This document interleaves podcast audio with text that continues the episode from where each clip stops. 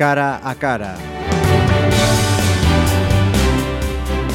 Saludos, un cara a cara para hablar de aficiones, por ejemplo, cuando llega la jubilación y sobre todo de una, como así quiere que sea su protagonista, nuestro invitado en este cara a cara, es un zamorano de origen, pero a estas alturas ya totalmente pontevedrés.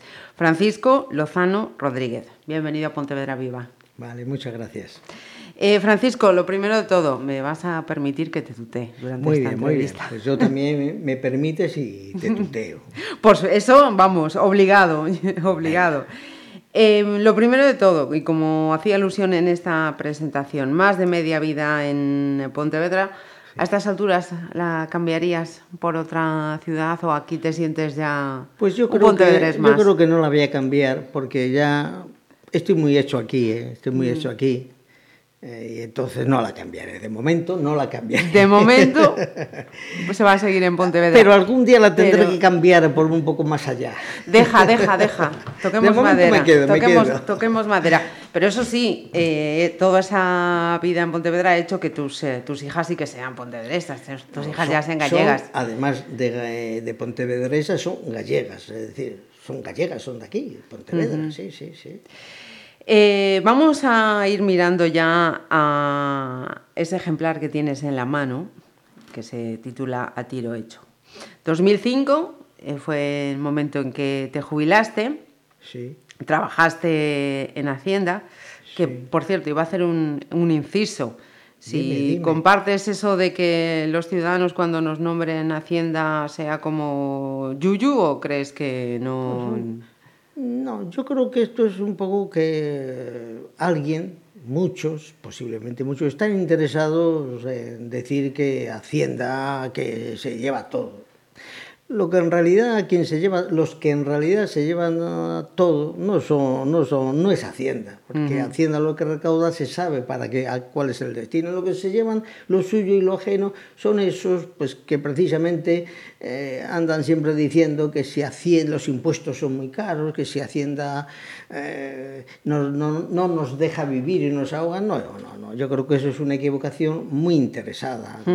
No. no. Ahí están los presupuestos generales y se ve la parte que, que, que es- Que se ha lo- los gastos ¿no? públicos son posibles como la sanidad y, y la educación, dos pilares de una sociedad, y con con las pensiones, que, que eso, si no se saca de los impuestos, que nos diga ver, alguien ¿de de, dónde, dónde? se saca. Otro tema es de lo que un poco trata la novela, de la, de la corrupción política, ¿no? ¿Eh? Que bueno, que tanto es el político, el corrupto es político como el que no es político y, y es Y el también se pasa ¿eh? esto, Ojo, sí, aquí, sí, sí, aquí sí. en esto de la corrupción hay dos. El libro no los distingo y a los dos los trata por el mismo rasero. ¿no? Ajá. Y luego hay una cuestión que es muy importante y que yo creo que es de lo que se puede hablar en- en cualquier medio, ¿no? Es de la gestión de lo público, de la gestión del dinero. Ahí sí que, yo creo que como todas las gestiones, eh, en la privada sucede otro tanto, porque yo en mis tiempos trabajé en la privada, no, ¿eh? pues la gestión es importantísimo. Eh, se dice que el empresario, que es más barato eh, la sanidad privada que la pública, pues, hay que ver las cuentas, yo no lo creo. Eh, no creo que ni, sea, ni que sea más barato la recogida de basura en manos de una empresa que en manos como era antes de los ayuntamientos. No sé yo por qué va a ser más barata. Más, más cara la del ayuntamiento será, en todo caso, será más cara la privada, porque busca un El beneficio, beneficio cosa particular. que el ayuntamiento no busca un beneficio. Y pongo el ejemplo de un ayuntamiento y no me estoy refiriendo al Pontevedra, sino en general de la gestión Mm. pública, Pública y la privada. Eso Ajá. había que debatirlo mucho, pero claro, estamos en manos del capitalismo más mm, despiadado que, que uno recuerda, que es el capitalismo financiero de ahora. Ahora todos son agencias de no sé qué, inversores de no sé cuántos, que son los que se están comprando en medio mundo uh -huh. y que no los conocemos. O sea, ha habido estafas en los bancos. Los bancos eh, antes mm, los que se jubilaban se llevaban un montón de dinero. Ahora ya los que se jubilan de a pie ya no se llevan un duro, en todo caso a lo mejor mm. no se llevan ni lo que le corresponde, pero sí se siguen llevando mucho dinero lo que está por encima. Tenemos, por hablar de cajas de ahorros, bueno, eso ya es un, la, la, vamos, es inconcebible esto. El dinero, ¿dónde ha ido el dinero de las cajas de ahorros? Que ese dinero no era de las cajas de ahorros, era de todos los ciudadanos, porque eh, ¿quién no tiene una cuenta en una caja de ahorros? Hasta ahora todo Dios. Y lo ponen los bancos, pues no digamos, ya es de risa. ¿Y quién ha puesto el dinero para salvar, según los políticos de turno, el sistema financiero español? El Estado. O sea que no lo han puesto lo que se llevaron el dinero. Pero bueno, esto ¿Qué trola es? Esto es un cuento chino, pero vamos, en toda regla. Y esto no puede ser. Pero es curioso, y perdona. No, no, sigue, sigue. Es, curioso cómo. Parece que no lo vemos. no lo vemos. Y eso que hay. No, lo vemos o, no lo queremos ver. Bueno, yo creo que no lo vemos porque estas cosas se quieren ver. Porque la gente habla de ello. Yo, no, hace falta, si, quieres te invito, ya que estamos aquí, aquí en la herrería, nos ponemos ahí y hablamos de ello con la gente y la gente nos quita la palabra, porque está deseando contar. Que efectivamente que el impuesto de bienes inmuebles es caro, pues sí, no digo que no, pero no es el problema de que sea caro o no, sino dónde se va ese dinero. Sí, sí. Porque, hombre, es inconcebible que las administraciones, bueno, no sé ahora si han reducido un poco el número de coches oficiales, pero vamos, el que no tenía el que no tenía dos o tres coches oficiales casi a su disposición, los altos carros, vamos. ¿eh? Hombre, digo dos y tres exagerando, simplificando un poco. Pero el que no tenía su coche no era nadie. Exactamente, es que esto no puede ser. Hay que, hay que vivir una vida normal, ocupes un puesto un poco mejor o peor. Ya quisieran todo el mundo vivir en la opulencia, pero eso no puede ser. Y eso todo el mundo lo entiende. Lo que no entiende es que haya unas unas diferencias de salario tan abismales como hay ahora. Porque recuerdo no hace tanto, cuando los célebres platos de la Moncloa, una cosa de, que se acordó es que el salario, el salario máximo no podía ser más de dos o tres veces el mínimo, ya no recuerdo la vez. Ahora eso, eso es un cuento chino. Ahora los señores que, que, que están ganando un dineral cada vez ganan más es inconcebible. ¿Para qué quiere tantos millones un montón de señores? Esos mil y pico señores que hmm. son los que amontonan. Eh, ¿Pero para qué? Tan caro es un nicho allá en el cielo. No puede ser, hombre. Esto es, que es una desvergüenza. Así no vamos a ninguna parte. Deben ser, deben ser Paco, que son mucho más caros en el infierno. Pues debe ser. Por, por todo esto que estoy diciendo es por lo que decidí publicar esta novela.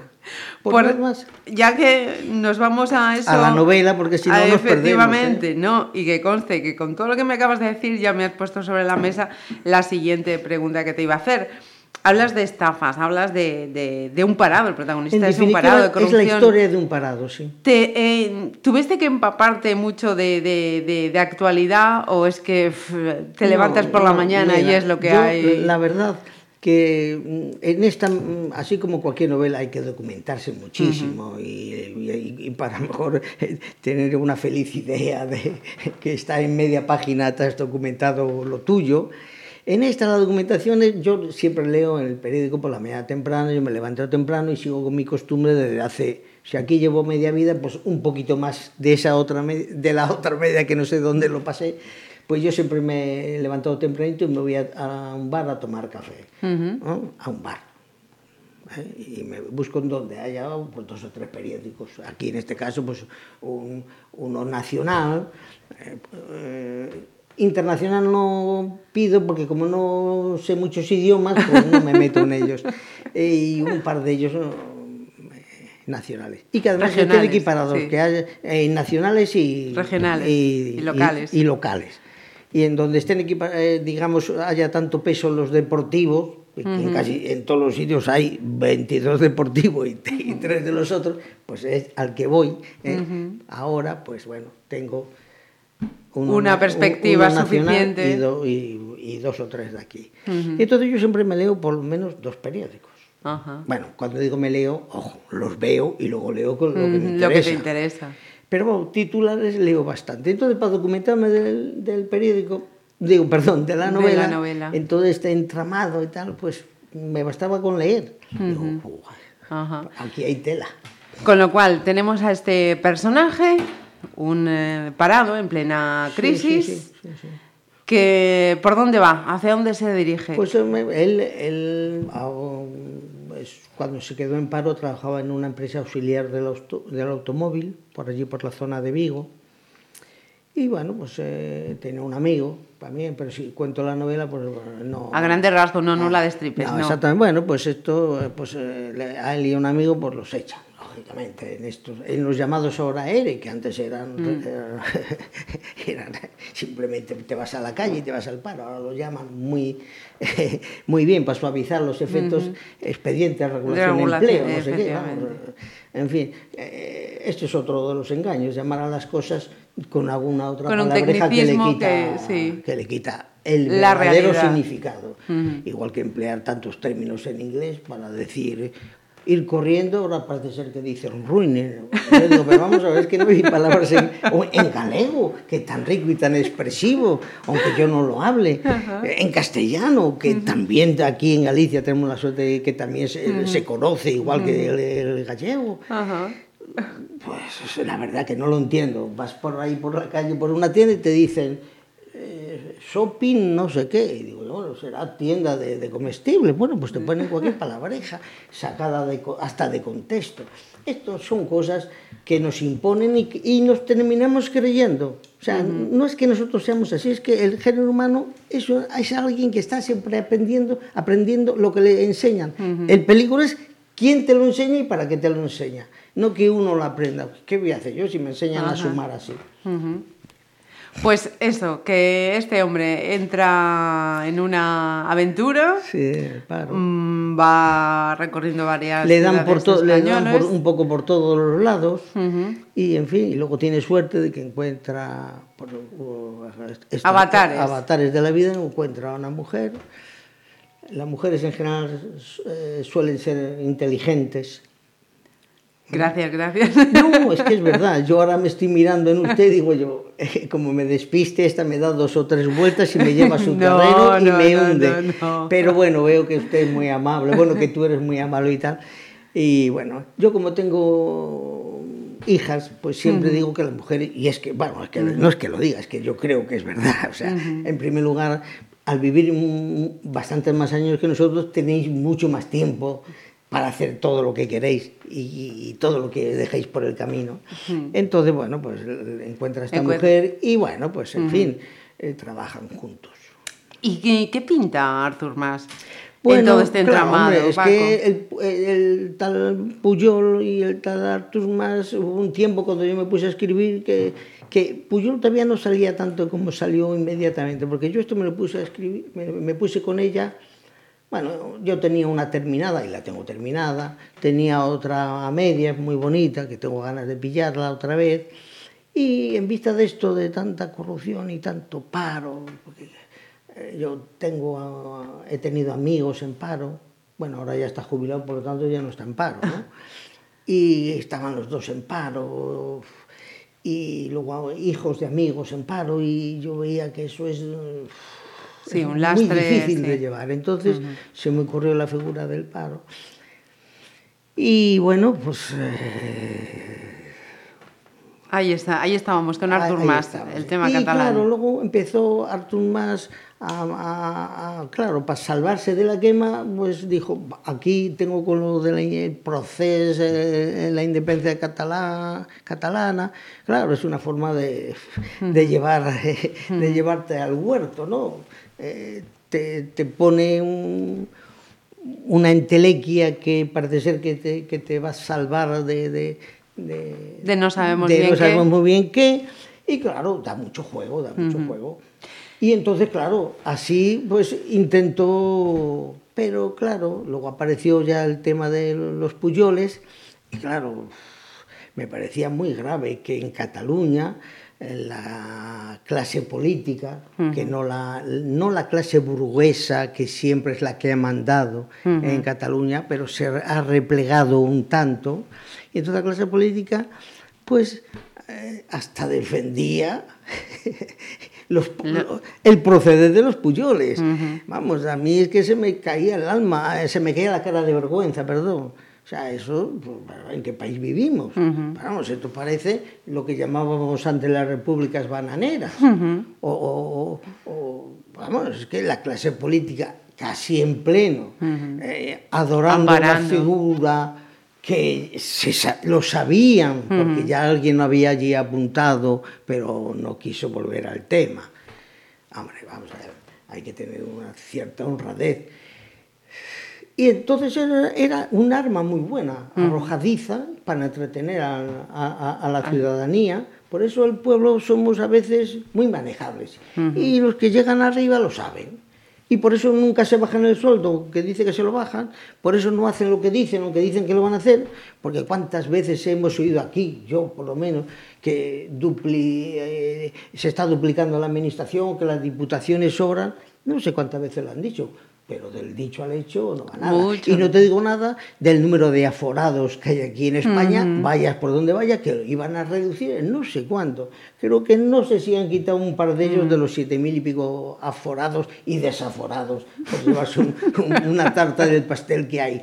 Pues todo eso es lo que quiero reflejar. He, querido reflejar la novela, con acierto a veces, otras veces yo supongo que no tanto. Y porque, bueno, cuando se habla de esto, uno le viene a la cabeza lo que ve y, lógicamente, tiene que, expresarlo. Y cuando uno lo escribe, pues no es que quiera uno ser más moderado, no en absoluto, sino que hay unas reglas para escribir. Eh, para aquellos que nos estén escuchando, que nos vayan a escuchar, eh, ¿se puede comprar este libro aquí ya en Pontevedra, Paco eh, Dinos? sí, sí, en la librería Cronopios.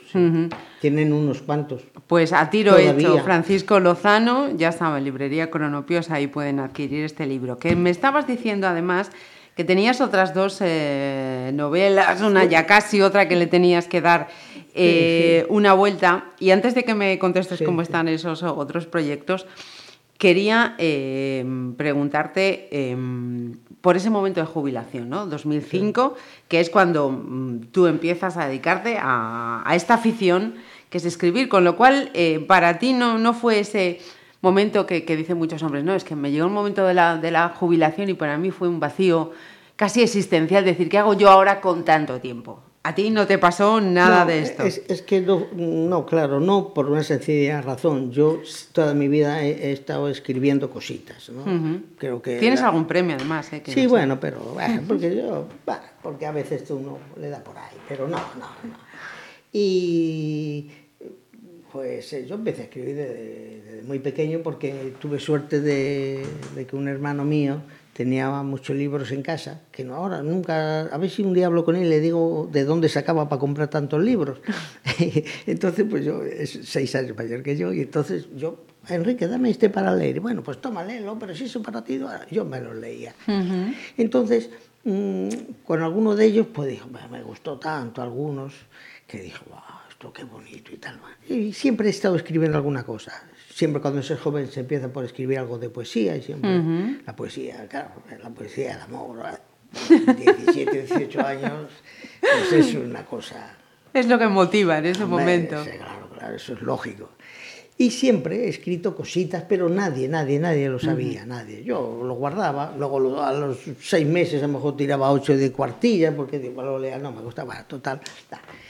Y claro, cuando tuve la oportunidad, cuando cumplí, bueno, antes de cumplir los 60 años, mm, por llevar más de 30 y más, no me acuerdo cómo era la, la ley, vamos, la regla aquella, más de 35 años cotizando y más de, bueno, total, que me pude jubilar a los 60 años. Y claro, cuando lo dije en casa, mi mujer, pero ¿cómo te vas a jubilar, hombre? Pues Digo, sí, que voy a hacer muchas cosas. Y tal. ¿Pero qué vas a hacer? Yo siempre decía, y era verdad, y a la gente, a los compañeros, ¿por qué vas a hacer? Digo, pues nada, yo siempre leo diccionarios, empiezo con un diccionario, lo mismo empiezo por la H y luego me cojo otro. La enciclopedia, estas dos enciclopedias que tengo, pues igual. Pues ¿cómo vas a leer diccionarios? Digo, pues a mí me gustan, ¿qué quieres que te diga? Bueno, nadie, sí. Eh, siempre, bueno, eh, cosas de Paco. Bueno, pues no, era verdad. ¿no? Sí, sí. Y bueno, eh, lógicamente leía diccionarios porque siempre tengo dos o tres ahora a mano. Ahora ya algunos los tengo ahí en el ordenador, compré el hijo y se carga y tal, es bastante útil. Pero vamos, yo tengo a mano dos o tres que eso siempre... Y bueno, pues siempre me empecé ya a escribir un poco más serio, ¿no? Ya, ya, tenía, ya tenía dos o tres proyectos en la cabeza y empecé con los dos o tres proyectos eh, que los alternaba, ¿no? A lo mejor estaba un mes con uno, dos meses con otro, un día con uno, en fin. Y bueno, pues terminé esa que estoy ahora retocando. Y la, otra, y la otra la tenía con 90 páginas, bastante elaboradas. Y surgió entonces, claro, el tiempo pasa, ¿eh? porque uno se pone a escribir, pero para escribir tienes que tener mucho en la cabeza, para luego poder sacar una página. Antes has leído mucho, hay veces que te compras dos o tres libros eh, específicos, otras veces yo sobre todo eh, releo mucho, ¿no? me gusta mucho releer algunos a lo mejor los he leído dos o tres y hasta cuatro veces. ¿eh? Y entonces, bueno, pues eso te da, te da, te va metiendo en la cabeza, vas formando ahí como si fueses haciendo un edificio. Mm, y bueno, empiezas a escribir. Luego, claro, como me regalaron un portátil de estos, pues yo siempre he escrito a mano y sigo escribiendo. Yo creo que las 30 primeras páginas van siempre a mano. ya las meto en el ordenador y, las cambio, las borro, las tiro. ¿Eh? Y bueno, pues así fue todo. Y entonces empezó este asunto de la, del paro.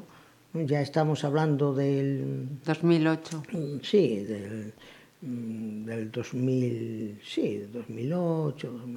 y no, un poquito más. Yo empecé este, vamos a ver. No, esta yo creo que la empecé en el...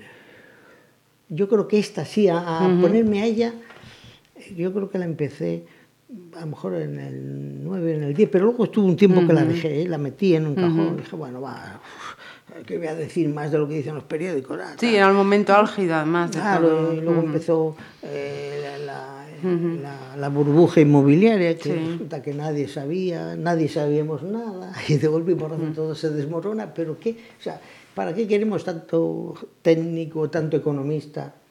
tanto agencias de calificación, tantas eh, organismos internacionales que se preocupan de tantas cosas. De seguir, de vigilar, y luego llega... Y resulta que en Estados Unidos, con las hipotecas basuras que luego llegaron mm. aquí,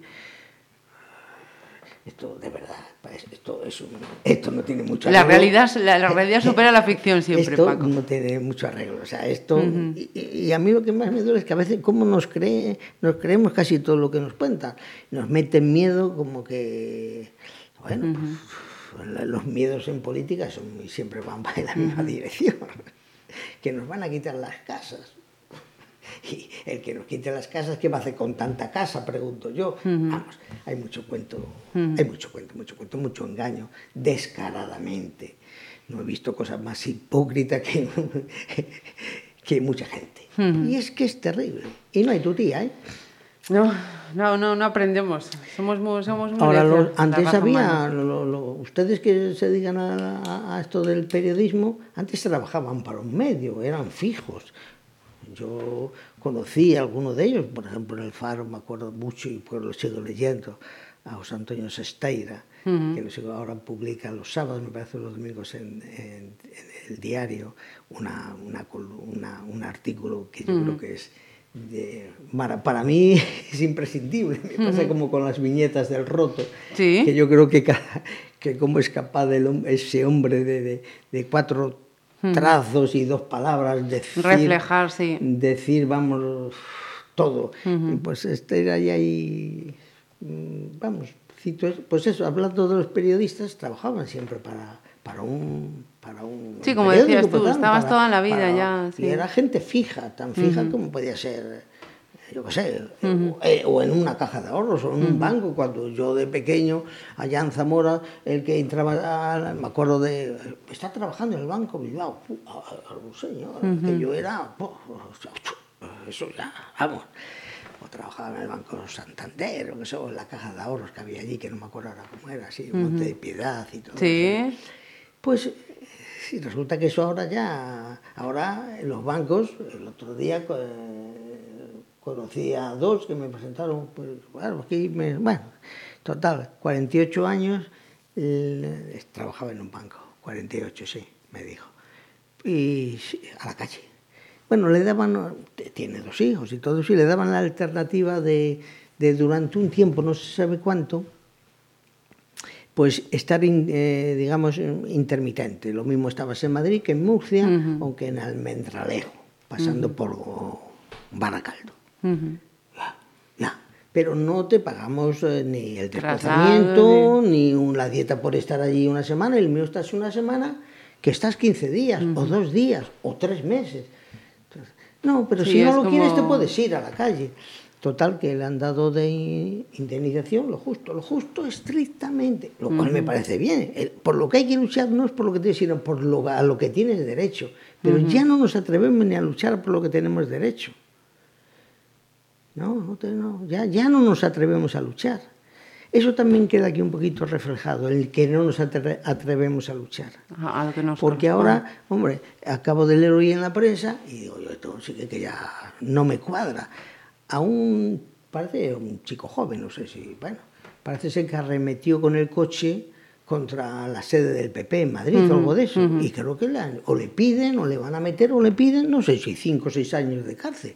Digo, bueno, pues está muy bien. No, sé que está muy mala, No, tienes que arremeter. Cinco o seis años de cárcel.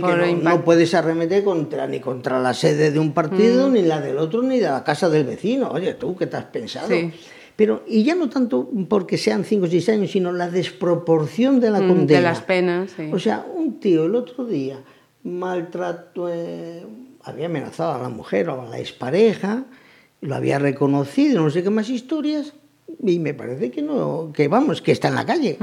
y, y, eso es grave, porque se está, se está viendo como el que maltrata una vez, maltrata a dos. y el que amenaza a su mujer de muerte, la termina matando, porque vemos ahí. Eso también queda en la novela un poquito tocado, perdón, puesto. Porque eso es, el día a día. La novela no hace ninguna excepción. No me remonto para allá ni para acá. Es el día a día. Es ese día, esos días que hemos vivido y que por desgracia seguimos viviendo. Y lo de meterte en busca de, un editor que plasmara todo esto pues en unas cubiertas, en esta portada, ¿fue fácil? ¿Fue difícil? yo, no, hoy en día hay cosas que son fáciles, hay otras más difíciles. Eh, yo nunca pensé editar, ¿eh? que quede claro. Porque no, porque a, mí esto de las entrevistas creo que está, bueno, sí, me han hecho un par de ellas, pero en mi vida, bueno, no sé si una vez me preguntaron algo por la calle y contesté con dos palabras. Ahora ya me, como hay que vender libros, pues digo, bueno, pues ya que estoy metido en el ajo, adelante. Y bueno, pues después de todo yo durante años estuve vendiendo cosas, entre, eh, pues durante bastantes años eh, estaba detrás de un mostrador, ¿no? Y y bueno, pues buscaron, pues dije, bueno, pues lo, mandé a un concurso de aquí de Galicia, a una editorial de Santiago, y lógicamente no me dieron el primer premio, pero me llamaron a los, a los días, bueno, mira, estamos interesados en publicar la novela, pero yo había oído que había que presentar y no sé qué más cosas, había oído, pero dije, bueno, no sé, bueno, sí, pero como usted la mandó, digo, ya, pues, que el premio era editarla. Digo, ya, pero mira, no me interesa tal. Claro, de momento lo pensaré. Entonces a, a los dos días le puse un correo electrónico y le dije, mire, muchísimas gracias, pero no. En esto, un amigo, pues que le conté esto, me dice, pues hay unas editoriales que tú vas allí, le mandas unas hojas, te dicen que vale, que se puede publicar, te dicen ellos tienen unas tarifas, si quiere usted 100, pues a tanto, uh -huh. tanto, si quiere usted 50, tanto, y si quiere usted menos o más, pues en proporción, y si uh -huh. quiere usted más, digo, bueno, pues digo, hombre, pues ya para regalárselas a mis hijas, que me da ilusión, a unos sobrinos que tengo que son muy queridos, a los pocos amigos que se tienen, algunas amistades que... A mí me consta que no son pocos, Paco. Amigos, amigos, lo que se dice amigos... un amigo de verdad es el que, está, el que te está dispuesto a prestar en cualquier momento. Los demás somos pues, conocidos, amistades, entrañables, de esos tenemos mucho. Pero yo amigos al que les prestaría dinero, me lo pensaría. bueno, pues eso, a uno poco pues encargué, no me acuerdo, pues, no sé, 30 o así. Y bueno, pues los repartí entre los amigos. ¿Y vas a seguir escribiendo? ¿Veremos Hombre, más libros no, eh, eh, editados? estoy escribiendo, lo que pasa que ahora que entre venir tenías aquí a la esas otras dos que están. llevarle un libro a un amigo que me dice, oye Paco, que a mí no me... Me has bueno, dedicado, pues que no". vale, te hago una dedicatoria. Entonces, bueno, pues oye, que queremos hablar de tu novela, sobre todo compañeras Ajá. Que como sois muy espabiladas y muy cariñosas y buenas compañeras, estoy hablando de mis compañeras de la Facenda, ¿no? Pues dice, oye Paco, tenemos que hablar de la novela. Pues, bueno, pues vale, cuando queráis, y ya, me someto yo a vuestros, me van a dar caña, pero bueno, esas cosas de la vida. Y bueno, pues sí, eh, publicaré. En Ya, hombre, ahora ya que estoy puesto, lo mismo publico, a ver si tengo tiempo, porque claro, el tiempo ahora ya apremia, ¿no? Me gustaría terminar las otras tres que tengo muy, que además en una de ellas tengo mucha eh, Ilusión. bueno, porque me gusta el tema, pero no lo puedo decir porque si no es adelantarlo. ¿no? Pero la próxima es a ver si de aquí a porque a esto hay que darle muchas vueltas, ¿eh? No, esto no es, por lo menos yo, lo- yo no soy un escritor, yo soy alguien que... A que tu le ritmo, gusta- ¿no? No que- te dicen, Paco, el próximo no, libro en tres no, meses. No, eso, eso yo sería incapaz. Digo que yo no soy un escritor, yo soy alguien que le gusta escribir. ¿no? Pues como hay otros le gusta, le da por jugar al fútbol, oye, pues ¿qué le vamos a hacer? Hay gente para todo. Que decía un torero que se llama el gallo. Tasca, sí, señor. Bueno, pues entonces, pues sí, me gustaría, eh, ahora con, este, con esta, que ya la tenía terminada, pero le voy a dar un poquito... sí, cuando me la, me la metí en el cajón, la dejé ahí dos años casi, que lleva, creo que lleva dos años, es porque no estaba yo del todo satisfecho. Entonces ahora la he cogido, pero entre estas cosas... Yo necesito tener tardes enteras libres para ponerme para dedicarte a ello. Pero ahora cuando... ah, ustedes, macho, venía aquí a las cinco y media y deben ser las siete de la tarde, que ya llego a casa a la hora de cenar. Eso, eso pesará sobre, sobre mi conciencia hoy. Hoy no No, puedo no, no, escribir. duerma usted, duerme tranquila, Marisa, duerme tranquila. Francisco, pues que me consta que tienes otras aficiones, pero como dijo otro Francisco, yo hoy he venido a hablar de mi libro. Con lo cual, lo vamos a dejar ahí. Ah, ya, sí, claro, todo el mundo tiene sus aficiones, pero no les voy a contar mi vida, que es una vida muy triste.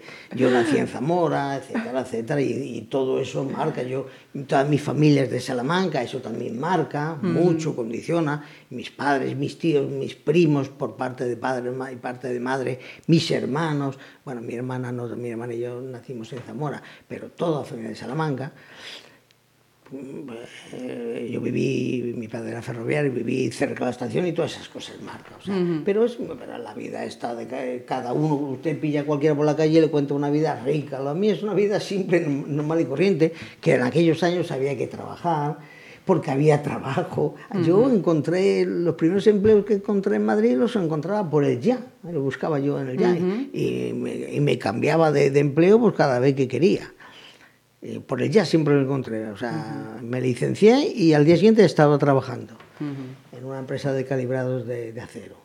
No sé si os habéis dado cuenta, pero Francisco Lozano además es una persona muy, muy modesta. Y no lo digo yo, que también me lo han chivado por ahí. no es también me lo han chivado No, por ahí. No, no, no, no, no, no, no, es que es verdad, vamos a ver, la gente que me conoce bastante, es decir, los amigos, yo tengo aquí, y es verdad, y voy a decir que son amigos, porque los conozco, eh, somos eh, no sé, tres o cuatro parejas, nos conocemos, pues desde llegamos aquí en el 74, pues en el 70 eh, en el 74 ese ya a final de año ya tuvimos unos amigos que siguen siendo amigos, ¿eh? uh -huh. Y en el 75 nos echamos otros amigos que siguen siendo amigos. Y en el 76 nos echamos dos o tres pare parejas de amigos que, oye, ninguno nos hemos separado, uh -huh. curiosamente, aunque hayamos regañado entre sí. Uh -huh. No, no, digo las parejas, en ¿eh? sí, sí, sí, y seguimos siendo muy amigos. Ellos no sabían nada de esto, Y algunos saben algunas de mis aficiones. Yo creo que ahora ya lo saben de todo. Esos todos de todas mis aficiones. Pero ellos tienen, cualquiera de ellos, empieza a contarse historias de, de su niñez y de su infancia y de su juventud. Y yo me callo aprendiendo, pues digo, pues, aprendo más. Pero aquí usted me tira de la lengua y, y yo sé que he venido a que me entrevisten y sé que ustedes tienen que llenar unas cuantas horas y no quiero defraudarla. Pero no, no, no. De verdad, soy tímido, aunque no lo parezca. Soy, eh, un poco clandestino, le decía antes, no sé Sí, si se empleaba sí, la palabra sí.